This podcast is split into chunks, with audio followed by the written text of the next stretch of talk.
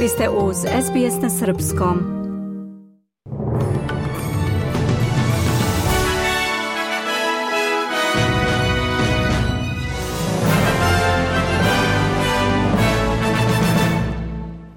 Australija i Sjedinjene američke države obavezale su se na Savez za inovacije koji treba da produbi veze dve zemlje u istraživanju svemira, čistoj energiji i odbrani. Govoreći nakon bilateralnog sastanka u Beloj kući, premijer Australije Anthony Albanese i američki predsednik Joseph Biden potvrdili su diplomatsko partnerstvo. Dvojica lidera razgovarala su i o načinima unapređenja odnosa sa Kinom. It is good that, uh... Albaneza je istakao da je dobro što su u poslednje vreme visoki predstavnici američke administracije imali sastanke sa svojim kineskim kolegama. Dijalog je uvek dobra stvar i kroz dijalog dolazi do razumevanja i smanjenja tenzija. Želimo da naš region bude miran i bezbedan, ali i zasnovan na vladavini prava, kazao je premijer a predsednik Sjedinjenih država Joe Biden izrazio je uverenje da će sporazum o snabdevanju Australije podmornicama na nuklearni pogon dobiti odobrenje Američkog kongresa. Biden je istakao da je u tom cilju Australija značajno uložila u njegovu zemlju. Last week we requested 3.4 billion dollars Prošle nedelje smo zatražili 3,4 milijarde dolara dodatnih sredstava za povećanje proizvodnje i održavanja podmornica kako bismo zadovoljili naše potrebe i podržali okus sporazum. Australija ulaže značajna sredstva u Sjedinjene države i svoju sposobnost da proizvodi podmornice kao deo ovog dogovora. Sada je važno da Kongres brzo deluje, istakao je Biden. Opširnije o poseti premijera Albaneza Vašingtonu čućemo odmah posle pregleda vesti. Izraelski premijer Benjamin Netanjahu izjavio je da njegova zemlja priprema kopnenu invaziju na pojas Gaze. On je međutim odbio da pruži bilo kakve detalje o ovoj operaciji.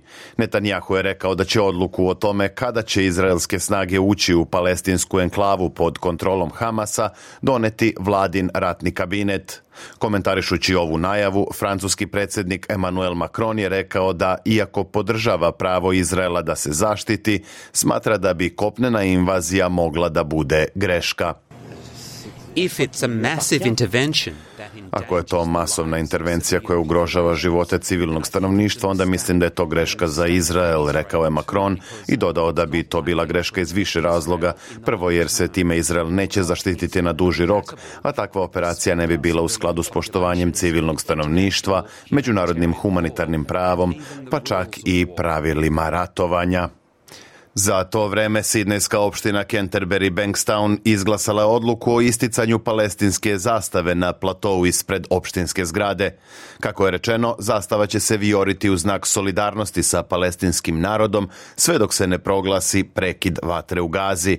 Laboristički odbornik Kodar Saleh, koji je i predložio isticanje zastave, izrazio je nadu da će i drugi slediti njihov primer.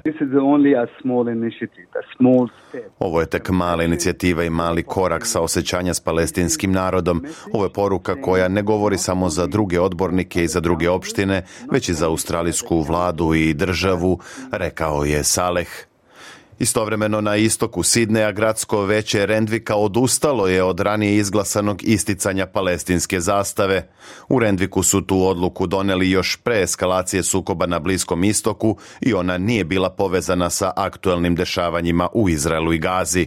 Odbornik u opštini Rendvik Daniel Rosenfeld kaže da mnogi u toj oblasti smatraju da bi u svetlu svega što se sada dešava isticanje palestinske zastave bilo neprikladno. The Um, uh, Rosenfeld je rekao da je razlog za promenu odluke bio napad Hamasa i ubijanje 1400 jevreja i uzimanje preko 200 talaca, također i zbog velike jevrejske zajednice u Rendviku, koja se ne bi osjećala prijatno ako bi se na zgradi opštine viorila palestinska zastava a ministarka spoljnih poslova Penny Wong branila je odluku laborističke vlade da pruži podršku Izraelu nakon što je arapska zajednica u Australiji izrazila zabrinutost zbog ovakvog poteza vlasti. Ministarka Wong kaže da su laboristi uvek težili da zauzmu principijelan stav o bliskoistočnoj politici i tvrdi da u Australiji jedna strana nije favorizovana u odnosu na drugu. I understand that this is a conflict which has Razumem da je ovo sukob koji ima dugogodišnje istorijske pritužbe. Takođe znam da je važno za palestinsku zajednicu i za sve australijance i islamske vere da znaju da ih vlada sluša, kao što je važno i da članovi naše jevrejske zajednice znaju da smo tu za njih u ovom trenutku, kazala je Wong. Randa Katan iz Arabskog saveta Australije kaže da se zajednice osjećaju izdano jer smatraju da je samo Izrael podržan javnim izjavama i osvetljavanjem sidnejske opere u bojama izraelske zastave. Takođe, Nasser Maskni iz Australijske palestinske zastupničke mreže kaže da vlada ne radi dovoljno diplomatski. We look forward to the day when our foreign minister Radujemo se danu kada će se naša ministarka spoljnih poslova suprotstaviti Izraelu i zatražiti da se primeni međunarodno humanitarno pravo. Danu kada će reći sada je dosta, tražimo prekid vatre i humanitarnu pomoć odma. Guvernerka Banke državnih rezervi Australije Michelle Bullock izjavila je da su novi kvartalni podaci o inflaciji veći od njenih poslednjih predviđanja. Bullock je pozvana da se pojavi pred ekonomskim komitetom Senata gde je odgovarala na pitanja o najnovijem indeksu potrošačkih cena koji pokazuje ponovno ubrzavanje inflacije. Bulok je rekla da su takvoj situaciji doprineli rast troškova električne energije i zakupnina stanova, ali je uticaj na inflaciju imao i rast plata prema industrijskom sporazumu do kojih je došlo u septembarskom tromesečju. U prošlom kvartalu zabeleženo je povećanje indeksa za 1,2 u odnosu na 0,8 koliko je iznosilo u junu mesecu. S druge strane, godišnja inflacija se prema podacima Biroa za statistiku smanjila sa 6 na 5,4 Slede vesti iz Srbije i sveta. Predsednik Srbije Aleksandar Vučić danas putuje u Brisel gde će se sastati sa evropskim zvaničnicima. Gostujući u programu Radio Televizije Srbije, Vučić je rekao da će se sastati sa Šarlom Mišelom, Josepom Boreljom, Miroslavom Lajčakom i liderima Francuske, Nemačke i Italije, Emanuelom Macronom, Olafom Šolcom i Đorđo Meloni.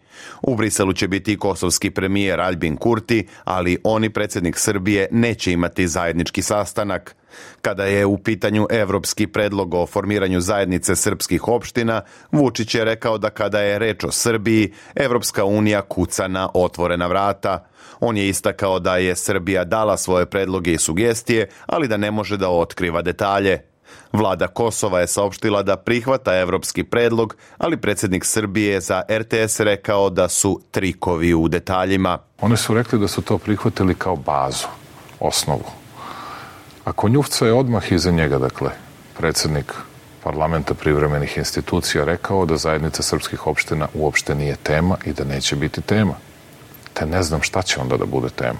Dakle, veoma, jer one neće da budu krivci ako je svima jasno ko ne želi dijalog. Svima je jasno ko ne želi formiranje zajednice srpskih opština u Evropi. Naravno, koristit će se Banjska, koristit će se sve drugo da bi se vršilo izjednačavanje krivice ili da bi se Srbiji prebacilo ne znam šta. Vučić smatra i da je svima jasno ko ne želi dogovor o zajednici srpskih opština.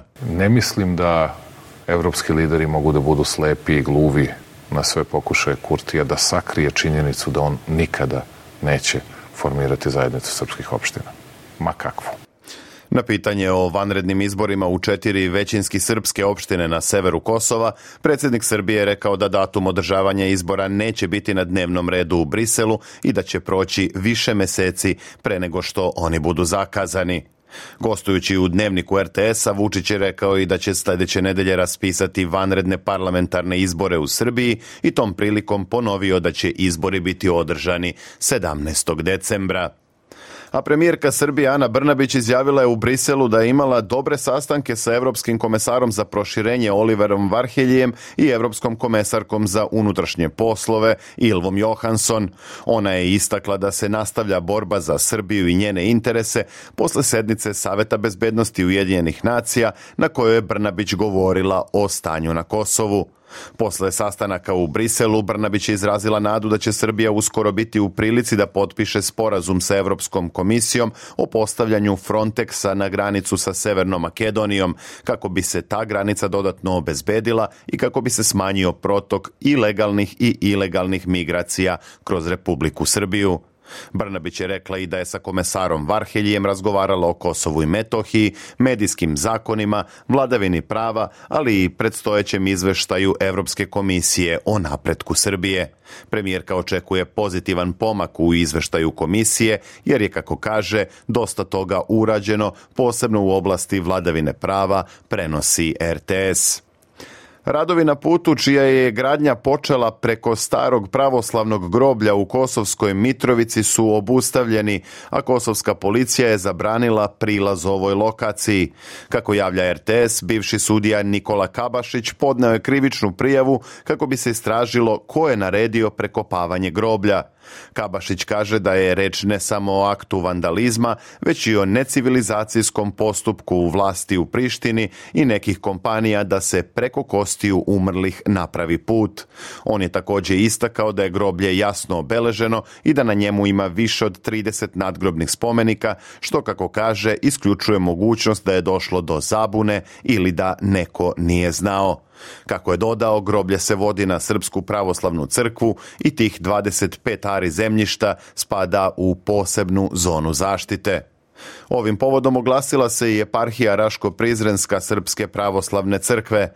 Kako je navedeno u saopštenju, eparhija je sa dubokim zaprepašćenjem primila vest o još jednom skrnavljenju pravoslavnog groblja na području Kosova i Metohije.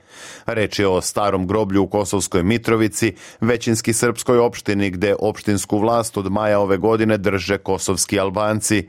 Ovoga puta ne samo da se radi o urbanom području, već su i građevinska firma i lice lice koje ih je angažovalo bez ikakvog straha od posledica izvodili radove preko groblja, ne osvrćući se čak ni na ljudske kosti koje su mašine iskopavale iz zemlje, navodi se u saopštenju eparhije Raško-Prizrenske.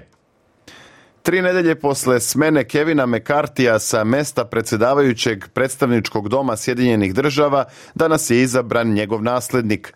Na predlog republikanske stranke, novi predsednik predstavničkog doma postao je Mike Johnson, koji će biti jedan od najmanje iskusnih lidera na ovom visokom mestu u američkoj vladi poslednjih decenija. Johnson je postao poznat javnosti kao autor neuspešne žalbe republikanaca u predstavničkom domu kada su pokušali da primoraju Vrhovni sud da poništi rezultate izbora u državama koje je Donald Trump izgubio na predsjedničkim izborima 2020 a sukobi koji besne širom sveta doveli su do rekordnog broja izbeglica na globalnom nivou, više od 114 miliona ljudi. Agencija Ujedinjenih nacija za izbeglice UNHCR kaže da ovaj broj ne uključuje ljude raseljene zbog trenutnog rata između Izraela i Hamasa. Samo u periodu između januara i juna milioni 600 hiljada ljudi širom sveta zatražilo je azil, što je najviše u jednom polugodišnjem periodu do sada. Najviše ljudi izbeglo je iz svojih domova usled sukoba u Sudanu, Demokratskoj republici Kongo, Mjanmaru, i rata u Ukrajini.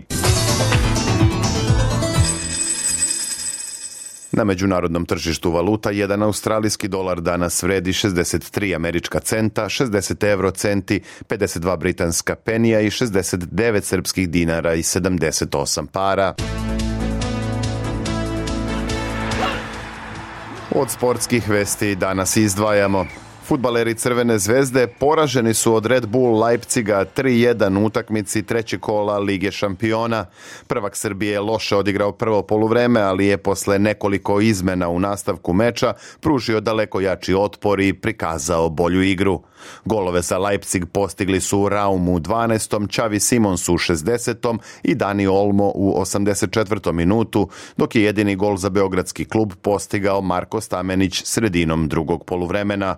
U drugom meču grupe G Manchester City je kao gost savladao švajcarski Young Boys, takođe sa 3-1. Posle tri kola Manchester je prvi na tabeli sa maksimalnih 9 bodova, sledi Leipzig sa 6, dok su Crvena zvezda i Young Boys izjednačeni na deobi treće i četvrte pozicije sa po jednim bodom. U narednoj rundi za dve nedelje Zvezda u Beogradu dočekuje Leipzig, dok Young Boys gostuje ekipi Manchester Citya. Od ostalih mečeva Lige šampiona odigranih ovog jutra treba istaći pobedu Paris Saint-Germaina protiv Milana 3-0, kao i triumf Borusije iz Dortmunda na gostovanju Newcastle 1 prema 0. Barcelona je savladala Šahtjor 2-1, dok je Feyenoord slavio protiv Lacija sa 3 prema 1 a sinoć su odigrane i preostale utakmice treće kola Azijske lige šampiona. Jedini predstavnik Australije ekipa Melbourne Citya zabeležila je pobedu na Tajlandu protiv Buriram Uniteda 2 prema 0. Posle tri kola Melbourne City je na prvom mestu grupe H sa tri boda više od japanskog Kofua. Naredni meč City igra 8. novembra protiv Burirama u Melbourneu. Sinoć je i u Srpskoj Superligi odigrana jedna utakmica. Ekipa Partizana je kao gost savladala radnički iz Kragujevca sa 4-0. Crnobeli su na vrhu tabele i imaju 7 bodova više od Crvene zvezde koja je odigrala utakmicu manje. Evo i vremenske prognoze za sutra. Zahlađenje koje je došlo s juga zahvatilo je Viktoriju, veći deo Novog Južnog Velsa i Južne Australije. U Sidneju će i sutra biti kišovito uz najvišu dnevnu temperaturu od 20 stepeni, u Melbourneu razvedravanje i vetar u slabljenju, takođe maksimalnih 20, dok se za Kamberu predviđa uglavnom vedro i 17. U petak u Adelaidu uglavnom sunčano i 24, u Brisbaneu kišovito i 20, a u Pertu uglavnom sunčano i 23. Sutra u Darwinu sunčani topao dan do 37 stepeni, a u Hobartu povremeno oblačno i 17. U Srbiji danas uglavnom sunčano, temperatura od 15 do 23 stepena. Bilo je to sve u pregledu vesti na srpskom jeziku za 26. oktobar 2023. Za više informacija posetite sbs.com.au kosacrta news.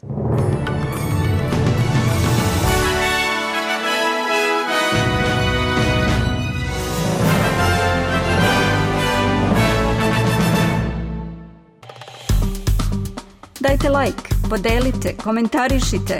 Pratite SBS Serbian Facebook profil.